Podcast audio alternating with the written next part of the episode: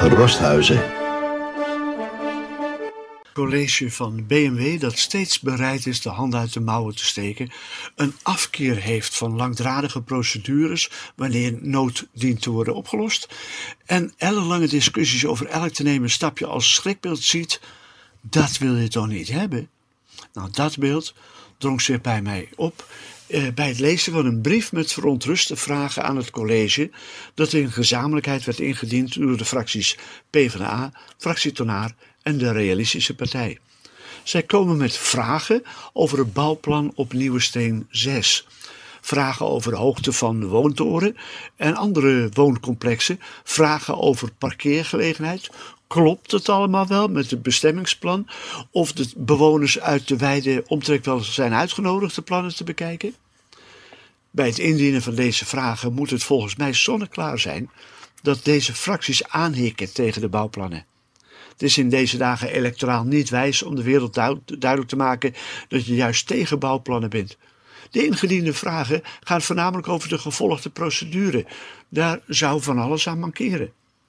Wie echter de getoonde bouwplannen enthousiast ontvangt, zal hooguit het advies geven zo spoedig mogelijk de dingetjes die nog niet helemaal comilvol zijn afgetikt aan te pakken, opdat men zo snel mogelijk met de uitvoeringen van kan starten. De fracties van PvdA, DRP en FT lijken daar niet zo enthousiast in te zitten. Waar liggen hun werkelijke problemen met het plan? Ik kreeg de indruk dat deze fracties in een zeer kort verleden er ook op gebrand waren zo snel mogelijk aan te vangen met het bouwen van woningen waar we nu eenmaal om zitten te schreeuwen. Zouden ze dat alleen maar verbaal ondersteunen? Zijn er in de bouwplan voor Nieuwesteen 6 aanwijzingen dat al die woningen slechts bedoeld zijn voor de welgestelde woningzoekers? Hebben de dames en heren van deze fracties last van hoogtevrees? Is het wel oké wanneer de woontoren enige tientallen meters minder hoog wordt? Vreest Thomas de Groot, PvdA, dat er hierbij weer geen betaalbare woonkansen zijn voor hem? Wil Roger Tonaar, FT, bewijzen dat hij nu eindelijk het dualistische handelen in de raad doorheeft? Kent Menno Jas, DRP, niemand in zijn kennissenkring die geïnteresseerd zou kunnen zijn in een van de te bouwen appartementen?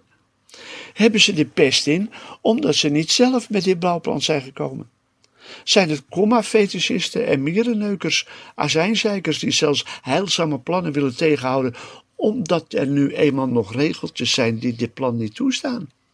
Zijn ze bang dat op redelijke kortere termijn veel woonproblemen zijn opgelost? Is Tonaar bevreesd dat er via deze weg toch nog mensen met een migratieachtergrond zich gaan vestigen in hun nette wijk? Een hoop vragen waar ik uiteraard niet het antwoord op weet. Ik vrees wel dat de in de vragenlijst genoemde zaken niet de werkelijke achtergrond van een zorg behelzen. Wie weet hebben de elf andere fracties wel het gevoel dat er hier iets groots verricht wordt. Misschien dat ooit de lokale politici van hun vrees om nou eens echt de hoogte in te gaan met wonen of kantoren afraken. Nog even en dan zitten we in het jaar 2020. Ik ben zelf van de eerste helft van de vorige eeuw, maar ik kan echt genieten van fraai vormgegeven hoogbouw. Zonder de vrees te hebben dat een provinciestadje als Horen daarmee verandert in Manhattan aan het de Hop. Ach ja, deze vergelijking komt niet van mij, maar van een fractievoorzitter van Horen Sociaal. Ook een collegepartij. Zou dat betekenen dat er zich een grotere groep tegenstanders zal gaan aftekenen in de Horense Raad?